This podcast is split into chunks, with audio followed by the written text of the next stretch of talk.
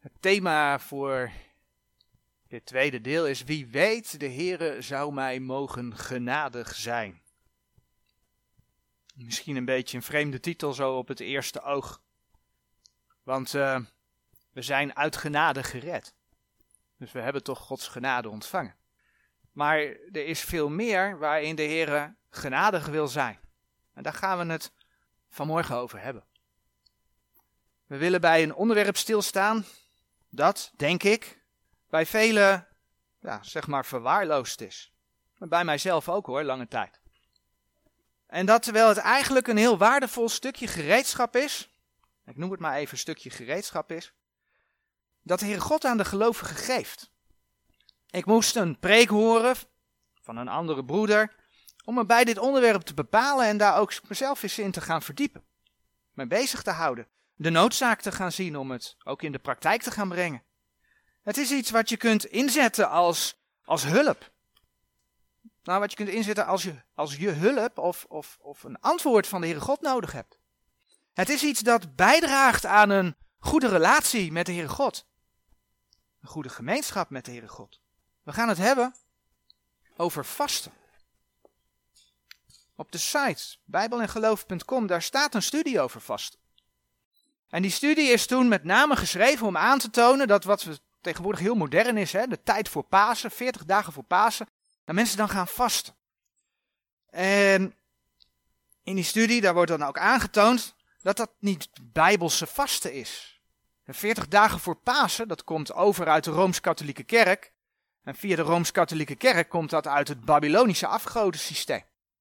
Dat is een ritueel. Dat heeft niks te maken met wat de Heere God in zijn woord over vasten, vasten leert. Maar daar gaan we het vandaag niet over hebben. We gaan het vanmorgen hebben over het, het Bijbelse vasten. Nou, in de Bijbel kom je niet een direct gebod of zoiets tegen om te gaan vasten. In het Oude Testament niet. Nou, in het Nieuwe Testament is het ook niet een inzetting of zoiets. En alhoewel bijvoorbeeld verootmoediging bijvoorbeeld gepaard kan gaan met vasten, is verootmoediging ook geen vasten. Vasten kan ook helpen bij verootmoediging, maar het is niet hetzelfde. Nou, vandaag willen we dan zien dat vasten misschien geen direct gebod is, maar dat de Heer door zijn woord wel degelijk aangeeft dat hij vasten waardevol vindt en dat hij het belangrijk vindt. Want hij geeft het wel op een bepaalde manier weer in zijn woord. Hij geeft het als middel om hem te dienen. En dan willen we beginnen bij de geschiedenis van Esther. Koningin Esther. In Esther 1 lees je over een andere koningin, koningin Vasti. En koningin Vasti die ja, luisterde niet naar de koning, Ahasveros. En omdat ze dat niet deed, werd koningin Vasti verstoten. Dan ga je heel snel door het boek Esther heen hoor, op hoofdlijnen.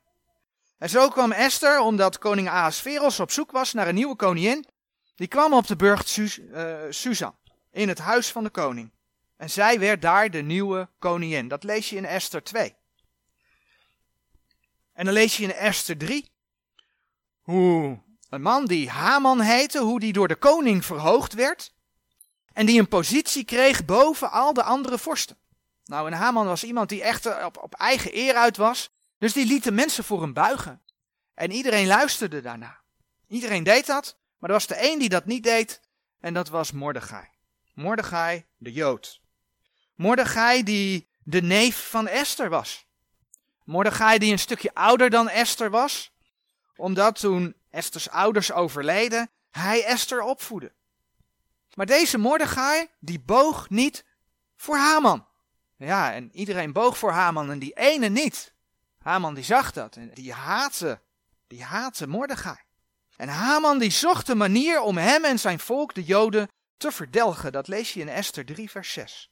Haman bespeelde de koning om een wet te laten uitvaardigen op één bepaalde dag dat dan al de Joden gedood zouden worden. En via brieven werd dat in alle landschappen van het Rijk werd dat, werd dat meegedeeld. Esther 3, vers 13. Toen Mordechai dat hoorde, dat, die, dat dat verspreid werd, toen scheurde hij zijn klederen. Hij trok een zak aan, gooide assen over zich heen hij was in rouw. En overal lees je dan dat er rouw onder de Joden was. In Esther 4, vers 3, dat is het eerste vers wat we lezen. Daar lezen we. En in alle en in ieder landschap en plaats waar het woord des konings en zijn wet aankwam, was een grote rouw onder de Joden. Met vasten en geween en misbaar. Vele lagen in zakken en as. Dus er was grote rouw en men ging vasten. Nou, Mordechai die bevond zich voor de poort des konings en Esther die, die stuurt hem kleren. Maar Mordechai wil die kleren niet aantrekken. Hij weigert het. En dan laat Mordechai vervolgens de plannen van Haman aan Esther bekendmaken. En dan vraagt hij aan Esther, ga jij nou voor je volk naar de koning? Het staat in Esther 4 vers 8, ga jij de koning smeken? Maar in die tijd was dat iets heel gevaarlijks. Want als jij zomaar naar de koning ging zonder dat je geroepen was, dan eh, was je overgeleverd aan de goedwil van de koning. En als hij zijn scepter toereikte, dan bleef je leven. Deed hij dat niet, dan werd je gedood. Het staat in Esther 4, vers 11 ook nog dat Esther al 30 dagen niet bij de koning geweest was. En toch krijgt ze dan die vraag. En dan lezen we in Esther 4, en die versen gaan we lezen, vers 13 tot en met 17. Zo zeide Mordechai dat men Esther weder zeggen zou. Beeld u niet in, in uw ziel, dat gij zult ontkomen in het huis des konings, meer dan al de andere Joden. Want indien gij enigszins zwijgen zult te deze tijden, zo zal de Joden verkwikking en verlossing uit een andere plaats ontstaan. Maar gij in uw vaders huis zult omkomen. En wie weet of gij niet om, ze, uh, om zulke tijd als deze is, tot dit koninkrijk geraakt zijt. Toen zeide Esther dat men Mordechai weder aanzeggen zou. Ga, vergader al de Joden die te Susan gevonden worden, en vast voor mij. En eet en drink niet in drie dagen, des nachts, noch des daags. Ik en mijn jonge dochters zullen ook al zo vasten. En alzo zal ik tot de koning ingaan, het welk niet naar de wet is. Wanneer ik dan omkom, zo kom ik om. Toen ging Mordechai heen en hij deed naar alles wat Esther aan hem geboden had. Wat we in deze geschiedenis zien is dat er grote nood is. En daarom, daarom ging men vasten. De naam van God die kom je eigenlijk in het boek Esther niet tegen. En toch mogen we geloven dat men ging vasten om Gods aangezicht te zoeken. Op het moment, dat lees je op andere plekken, dat het volk door het vasten de verkeerde pad op ging, want dat kwam je ook tegen, dan zegende God dat niet. Maar in het boek Esther lezen we hoe hun, hoe hun nood hoe dat verhoring kreeg in, een, in verlossing. De Heere heeft verlossing gegeven. Hun roep is verhoord. En dan willen we vandaag, in dit uur, dus stilstaan bij wat is dat nou eigenlijk vasten? Maar laten we eerst kijken bij wat vasten niet is. En het is heel modern om tegenwoordig, en dat zie je dan vooral in die 40 dagen tijd voor Pasen, om dan te vasten, althans zo noemt men dan vasten wat men dan doet. De moderne trend is dan om je bijvoorbeeld te ontzien van alcohol voor een bepaalde periode. Of te ontzien van, ik noem maar een paar voorbeelden, of te ontzien van roken. Of 40 dagen geen suiker te nemen. Dat soort dingen. Ja, op zich is dat goed. Zeker voor je lichaam om de alcohol te laten staan. Het is goed voor je lichaam om niet te roken. Het is goed om geen suiker te nemen. Maar eigenlijk zou je dat dan ook op permanente basis moeten doen. Maar goed. Maar dat is geen vaste. En ook is het geen vaste als je jezelf een tijdje een van je luxe dingen ontzegt. We leven in deze westerse wereld, we hebben allemaal uh, uh, dingen om ons heen. Dat je zegt van nou, deze tijd doe ik even alleen dit niet. Dat is geen vaste. Maar wat is vaste dan wel? Vaste is dat je uit vrije wil voor een bepaalde periode. En dat hoeft echt niet heel veel dagen te zijn. Dat kan ook een dag zijn. Kan een paar dagen zijn, kan een dag zijn. Eventueel zou het minder dan een dag zijn, maar het gaat erom dat je uit vrije wil voor een bepaalde periode geen eten neemt. Of dat je uit vrije wil voor een bepaalde periode geen eten en drinken neemt. En daardoor komt tijd vrij. Je hoeft niet te eten. Dan heb je meer tijd. En dan is het niet de bedoeling dat je die vrije tijd gaat vullen met allerlei leuke bezigheden. Zodat die tijd maar snel genoeg voorbij gaat. Nee, daar is het niet de bedoeling voor. Dat zie je nog wel bij christelijke acties. Dan gaan ze een vaste dag of vaste nacht organiseren. Wordt er niet gegeten. En dan worden er allerlei leuke dingen gedaan. Dan is die tijd zo snel mogelijk voorbij. Maar daar is het niet voor bedoeld. En dat gebeurt dan voor de goede doelen vaak. En, maar daar is het niet voor bedoeld. Dat is geen bijbels vasten. Nee, je houdt dan tijd over. En wat kun je dan met die tijd doen? Dan ga je bidden. En eventueel ook Bijbel lezen. Je gaat de Here zoeken. Dat is vasten. Bijbels vasten. In Daniel 9, vers 3 lezen we een voorbeeld. Daniel 9, vers 3. En ik stelde mijn aangezicht tot God de Heere om hem te zoeken met het gebed en smekingen, met vasten en zak en as. Nou is de zak en as ook een teken van rouw. Dus niet de bedoeling dat je altijd vast als je rouw hebt. We gaan straks ook andere teksten zien. Maar waar het om gaat is dat dat vasten samengaat met, met gebed. Met smekingen. En het gaat er dus ook niet om dat je jezelf uithongert hè, als vorm van zelfkastijding. Want het heeft voor de Heer geen enkele nut. Het gaat er niet om dat je je een gebod laat opleggen. En gij zult vasten. Nee, daar gaat het niet om. Het gaat er niet om dat je een gebod laat opleggen om bepaalde dingen niet te eten of een bepaalde tijd te reserveren. De Heer die waarschuwt daar zelfs tegen in zijn woord. Als we in Colossense 2 kijken. Colossense 2 vers 20. Colossense 2 vers 20. Indien gij dan met Christus de eerste beginselen der wereld zijt afgestorven, wat wordt gij, gelijk of gij in de wereld leeft het, met inzettingen belast? Namelijk raak niet en smaak niet en roei niet aan. Welke dingen alle verderven door het gebruik ingevoerd naar de geboden en leringen der mensen. De welke wel hebben een schijnreden van wijsheid in eigenwillige godsdienst en nederigheid en in het lichaam niet te sparen, doch zijn niet in enige waarde, maar tot verzadiging des vleeses. Nou, die waarschuwing is duidelijk. Bijbels vasten is dus niet tot verzadiging van het vlees. Dat betekent dus ook dat je dat niet voor de buitenwereld doet. Het is geen show. Het is niet een kijk mij eens goed zijn. Ik ben aan het vasten. Je doet het voor je eigen relatie ten opzichte van de Heere God. En voor je eigen relatie tot Heere God, als je dat wilt doen, dan moet je niet jezelf op een voetstuk gaan zetten. Want dan ben je jezelf aan het promoten. Een mooi Bijbelgedeelte daarover is Matthäus 6.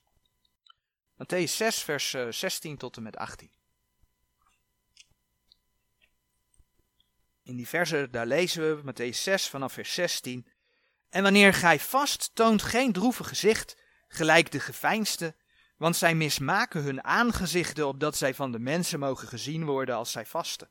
Voorwaar, ik zeg u, dat zij hun loon weg hebben. Maar gij, als gij vast, zalf uw hoofd en was uw aangezicht, opdat het van de mensen niet gezien worden, als gij vast, maar van uw vader die in het verborgen is. En uw vader die in het verborgen ziet, zal het u in het openbaar vergelden. Het gaat er dus juist om, doordat je je eten en je drinken vrijwillig laat staan, of alleen je eten vrijwillig laat staan, dat je tijd hebt, meer tijd hebt om de Heer te zoeken. En dan kan het zijn dat je naast het eten en drinken ook andere dingen laat. Om je echt op de Heer te kunnen richten. Daniel die spreekt in dat vers wat we net gelezen hebben, Daniel 9 vers 3, over en zak en as. Maar zo lees je bijvoorbeeld in 1 Korinthe 7 vers 5. 1 Korinthe 7 vers 5. Een gedeelte dat gaat over het huwelijk. En dan wordt er dus tegen man en vrouw gezegd in 1 Korinthe 7 vers 5. Onttrekt u elkander niet, tenzij dan met beider toestemming, voor een tijd, opdat gij u tot vasten en bidden moogt verledigen. Dat je je daartoe begeeft, tot vasten en bidden. En komt wederom bijeen, opdat u de Satan niet verzoeken, omdat gij u niet kunt onthouden. Dus vasten is niet eten, of niet eten en drinken, en eventueel in combinatie daarmee ook het laten staan van andere dingen, om je vooral met gebed op de Here te kunnen richten. En dan kan ook Bijbellezen daar een onderdeel van zijn. Om de Here te zoeken. Nou, wat heeft vasten bij Esther opgeleverd? En dan komen we terug bij Esther. En we weten dat onze God boven de geschiedenis staat. Hij heeft alle dingen in zijn handen. En wat betekent dat? Al is de nood nog zo groot, de Heere God die kan een keer brengen in omstandigheden. En dat zien we heel mooi in de geschiedenis van Esther. In de geschiedenis van Esther en haar volk ja, daar zie je dat, dat, daar, dat zij een, een doodsvonnis boven zich hadden hangen. Dat stond eraan te komen, de wet was uitgevaardigd. En Esther liep de kans dat als ze naar de koning ging, dat zij dood zou sterven. Maar ze vastte en ze baden drie dagen en drie nachten. En dan allereerst, dan lees je in Esther 5 vers 2, dat Esther genade verkreeg in de ogen van de koning. Maar om de een of andere reden deed Esther niet direct haar verzoek voor haar volk. Ze vroeg tot tweemaal toe of de koning samen met Haman bij haar kwam om de maaltijd te gebruiken. Esther 5 vers 4. En dan zie je dat in die tijd dat alle omstandigheden omgedraaid worden. Haman was in eerste instantie helemaal gelukkig. Hij schepte bij zijn familie op over zijn grootheid, dat hij samen met de koning en de koningin de maaltijd mocht gebruiken. Esther 5 vers 9, Esther 5 vers 11 en 12. Maar ondertussen liet hij, hè, niet wetend dat Mordechai een, een neef van de koningin was, liet hij een gallig maken bij zijn huis voor Mordechai. Esther 5 vers 14.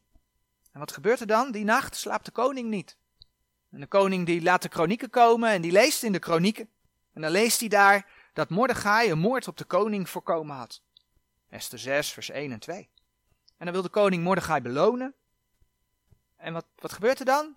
Haman die staat, op, die staat daar op het voorhof. Dus de koning die zegt tegen hem, als ik iemand belonen wil, hoe moet ik hem dan eren? Nou, Haman denkt natuurlijk meteen, hè, hij, mag komen eten, hij is verhoogd door de koning. Het gaat om mij. De koning wil mij verhogen, dus hij bedenkt een mooi plan. Alleen dat pakt anders uit. Want Haman, die mag, degene die hij, waar hij zo moeite mee had, mag hij eren. En Haman, Esther 6 vers 12, die werd er treurig van. En dan lezen we in Esther 7 hoe koningin Esther de koning onthulde dat Haman haar en haar volk wilde doden. En in Esther 7 vers 10 lezen we dat Haman aan zijn eigen gallig eindigt. In Esther 8 lezen we dat er een nieuwe wet kwam, waardoor de Joden zich konden verdedigen. En in Esther 9 lezen we hoe dat lukt. Er was verlossing voor het Joodse volk. En uit dat hele gebeuren, daardoor ontstond er vreugde. De Joden waren blij. Ze gingen dat vieren. En daaruit is dan ook het Purimfeest, Esther 9 vers 26, voortgekomen. Maar verplaats die hele geschiedenis, verplaats dat eens in onze tijd. De laatste dagen van deze gemeentetijd. Hoeveel kan de Heer doen als wij hem bidden? De Heer kan ook dingen doen als wij niet bidden. Dat klopt. Maar de Bijbel zegt niet voor niks in Jacobus 5 vers 16 dat een krachtig gebed des rechtvaardigen veel vermag. De Heer wil gebeden worden. Hoeveel kan de Heer doen als wij ons eten opgeven en de tijd gebruiken om Hem te zoeken? Want ook in deze tijd kan Hij een keer in omstandigheden geven. En ja, we weten dat er op een gegeven moment dingen moeten gebeuren. We weten dat de profetieën in vervulling moeten gaan. Dat is gewoon een feit. Dat gaan we ook niet tegenhouden. Maar dan nog, en ik kom straks met een voorbeeld, dan nog kan hij boos plannen tegenhouden. Hij kan boos plannen weerhouden. Nou, in het verhaal over vasten heb ik al een aantal teksten uit het Nieuwe Testament, ook uit de brieven aan de gemeente laten zien. En toch wil ik even de vraag stellen: is dat vasten nou eigenlijk niet iets oud-testamentisch? Nee, dat is het niet. Het mooie is dat we in eerste instantie in het Oude Testament lezen dat het Joodse volk inderdaad dat, dat vaste. Dat klopt.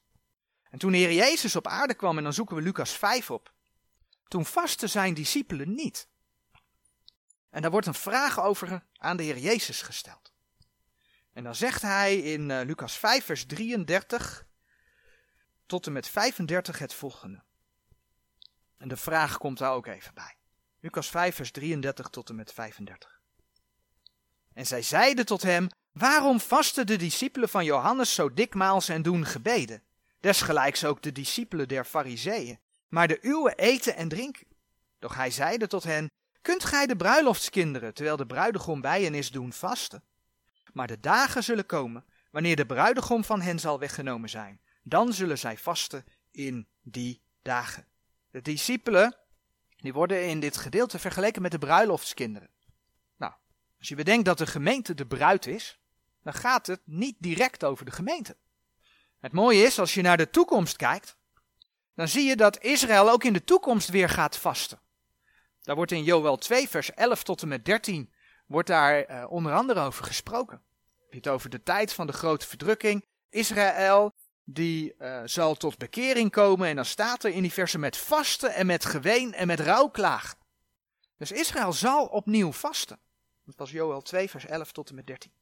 Maar toch is dat niet het hele verhaal. Want de Heer Jezus zei het wel tegen die discipelen. Die nadat de Heer Jezus was opgenomen, eigenlijk naar zijn kruis, tot zijn gemeente behoorden. Zeker vanaf Pinksteren, vanaf dat moment dat ze vervuld werden met de Heilige Geest. Dat de Heilige Geest uitgestort werd. En wat zien we dan? In handelingen. Nou, we hebben ook de, de tekst al in bijvoorbeeld Korinthe gelezen, wordt ook over vasten gesproken. Maar wat zien we dan als we bijvoorbeeld in Handelingen 13 kijken? Dan zien we dat er uh, in de gemeente, daar werd gevast. Bij belangrijke beslissingen, bijvoorbeeld in Handelingen 13, lezen we over het omkeerpunt waar Paulus en Barnabas naar de heidenen gestuurd worden. En dan lezen we, Handelingen 13, vers 2, kom je dat tegen. En als zij de Heren dienden en vasten, zeide de Heilige Geest. En in het derde vers, toen vasten en baden zij. En als je in Handelingen 14, vers 23 kijkt, daar wordt gesproken over gebeden hebbende met vasten. En daar blijft het niet bij. Als we doorbladeren naar 2 Korinthe 11, vers 27, daar lezen we allerlei dingen die Paulus heeft meegemaakt. 2 Korinthe 11, vers 27. Eh, en een, een paar van die dingen die noemt hij in vers 27. In arbeid en moeite, in waken menigmaal, in honger en dorst, in vasten menigmaal. Als je geen eten en drinken hebt, als je honger en dorst lijdt, is dat geen vasten. Vasten is als je er bewust voor kiest om voor de Heer iets te laten staan. Vandaar ook het verschil in dat vers. Hij kent honger, hij kende honger en dorst, maar hij kende ook vasten menigmaal. Paulus vastte dus veel. Met andere woorden, ja, het is ook voor de gemeente. En als het voor de gemeente is, ja, het is dus ook voor onze dagen. Nou, bij Esther hebben we gezien dat vasten werkt. En dan komt de volgende vraag, maar betekent dit dan ook altijd dat je krijgt waar je om vraagt? Dat is voor ons mensen vaak belangrijk. Hè? Wij zien een nood, wij hebben een oplossing in onze gedachten en dan moet het zo gaan. Dus daar bidden we voor. Maar zo werkt het niet altijd. Dus in principe niet. Het ligt er natuurlijk ook aan hoe je de dingen vraagt. De Heer Jezus die heeft daar een voorbeeld van gegeven. Toen hij in Leiden was, toen zei hij tegen de Vader, Matthäus 26, vers 42, uw wil geschieden. Want Heere God is niet onze dienstknecht. Maar dat neemt niet weg dat hij hoort. En zelfs als je je directe vraag niet krijgt, dat neemt niet weg dat Heere God ook verhoort. Nou, een geschiedenis waar we dat uh, terugvinden is 2 Samuel 12. 2 Samuel 12. David had overspel gepleegd met Bathseba. Had daartoe ook nog haar man Uria laten vermoorden. En vervolgens nam hij haar tot vrouw. Dat lees je allemaal in 2 Samuel 11. Uit dat overspel was een kind geboren. En dan komt de profeet Nathan, die komt bij David om hem van zijn zonde te vertellen. En dan lees je dat David berouw heeft en dat hij te horen krijgt dat zijn zoon zou sterven. In 2 Samuel 12, vers 13 en 14, daar lezen we. Toen zeide David tot Nathan, ik heb gezondigd tegen de Heere. En Nathan zeide tot David, de Heere heeft ook uw zonde weggenomen, gij zult niet sterven.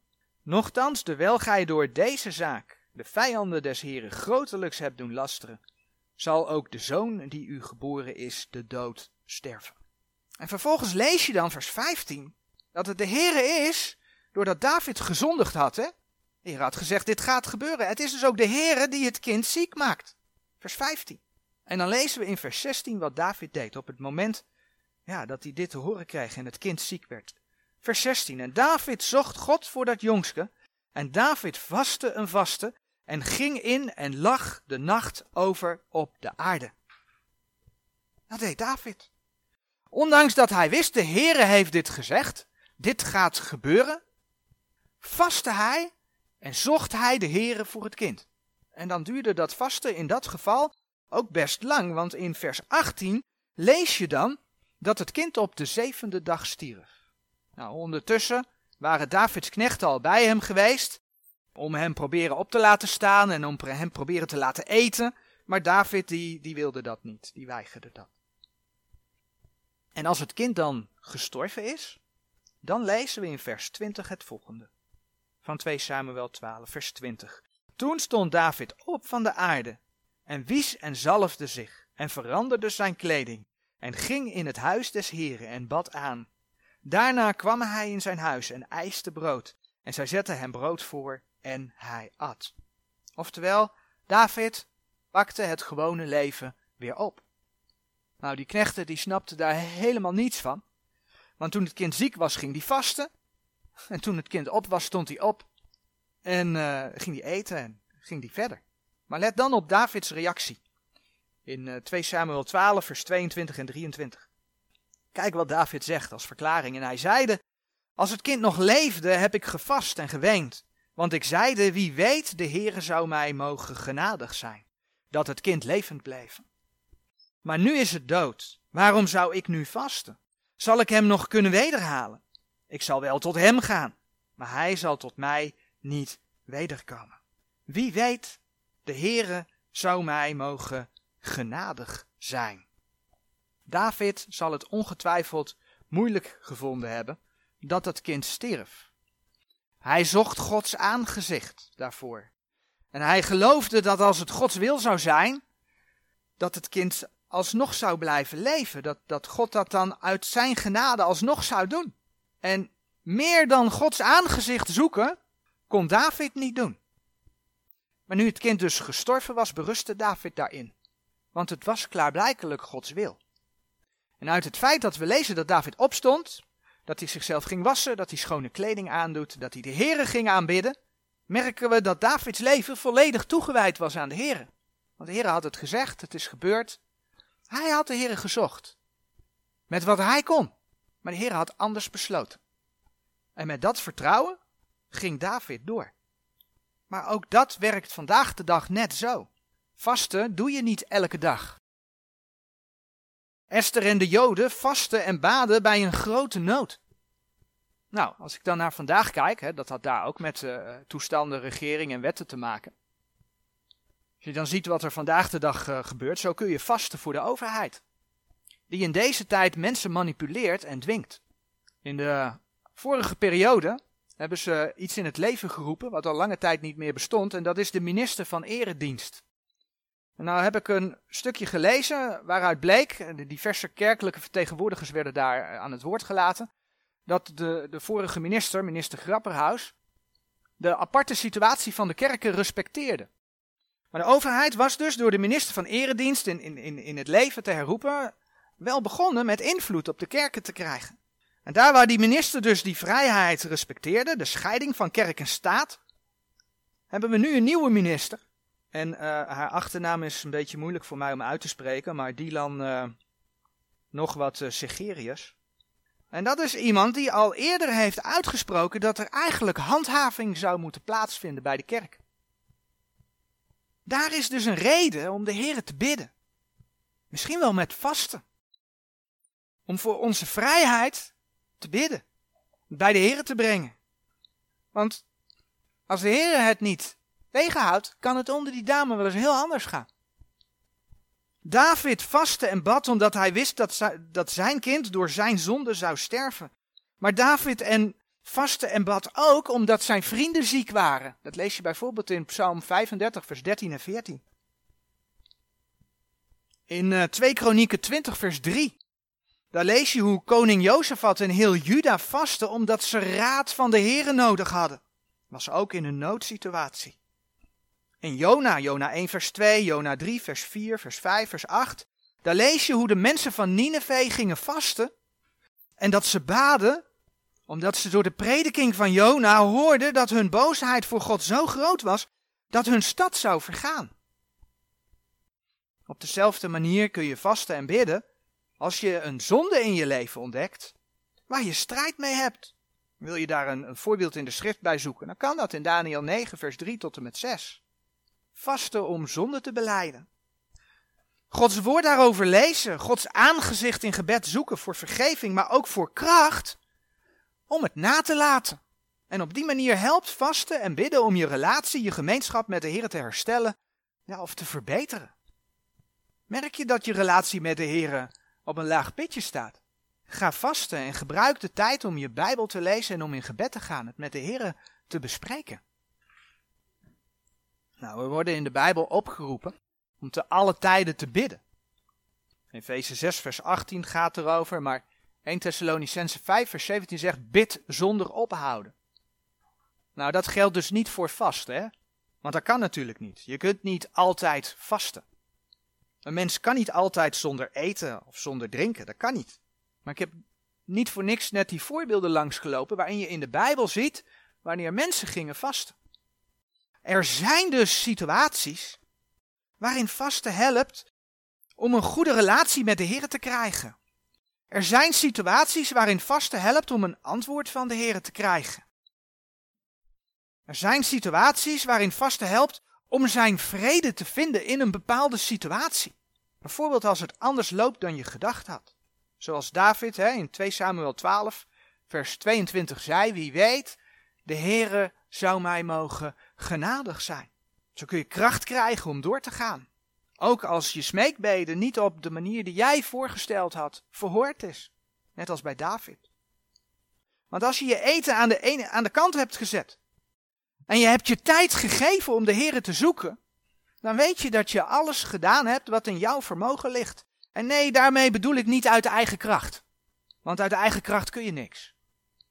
Maar je hebt alles gedaan om Gods aangezicht te zoeken. En dan weet je dat het zijn wil is wat er gebeurt. Dat geeft vrede. Dus je kunt niet altijd vasten. En dat vraagt de Heer ook niet. En ook als je gaat vasten, mag je je gezonde verstand gebruiken. Als je bijvoorbeeld medicijnen moet innemen met een maaltijd, dan moet je die maaltijd maar niet gaan laten staan. Dan kies je ervoor om een andere maaltijd te laten staan. Moet je over de dag zoveel medicijnen innemen, dat het eigenlijk bij alle maaltijden moet, dan zou je ervoor kunnen kiezen om een eenvoudige maaltijd te gebruiken, wat minder bereidingstijd kost. Een, een voorbeeld vinden we in Daniel 10, vers 3. Daniel 10, vers 3. En daar staat: Begeerlijke spijzen at ik niet. Begeerlijke spijzen at ik niet. En vlees nog wijn kwam in mijn mond. Ook zalfde ik mij gans niet, totdat die drie weken der dagen vervuld waren. Dus begeerlijke spijzen at ik niet. Vlees en wijn kwamen niet in mijn mond. Ander voorbeeld. Dingen die ook gebeuren. Lukt het je niet om een paar uur zonder water te kunnen? Zonder drinken te kunnen? Omdat je dan hoofdpijn krijgt? Flinke hoofdpijn krijgt? Laat dan alleen het eten staan en drink wel om, om de zoveel tijd een glas water. Want als het gevolg is dat je niet kunt lezen en niet kunt bidden omdat je hoofdpijn hebt, dan heeft het vasten geen zin. Want je gaat juist vasten om de Heer te zoeken. En zo kun je dus zoeken naar, naar een manier waarop je door middel van vasten de Heer kunt zoeken. In bepaalde situaties. De Heer toont deze dingen door de schrift heen niet voor niets. Dat laat hij niet voor niets zien. En dan is de vraag, en daar sluit ik mee af. Doe je er iets mee? Vast je wel eens. En die vraag is, want we hoeven het niet voor de buitenwereld te doen, die vraag is voor een ieder persoonlijk. Amen.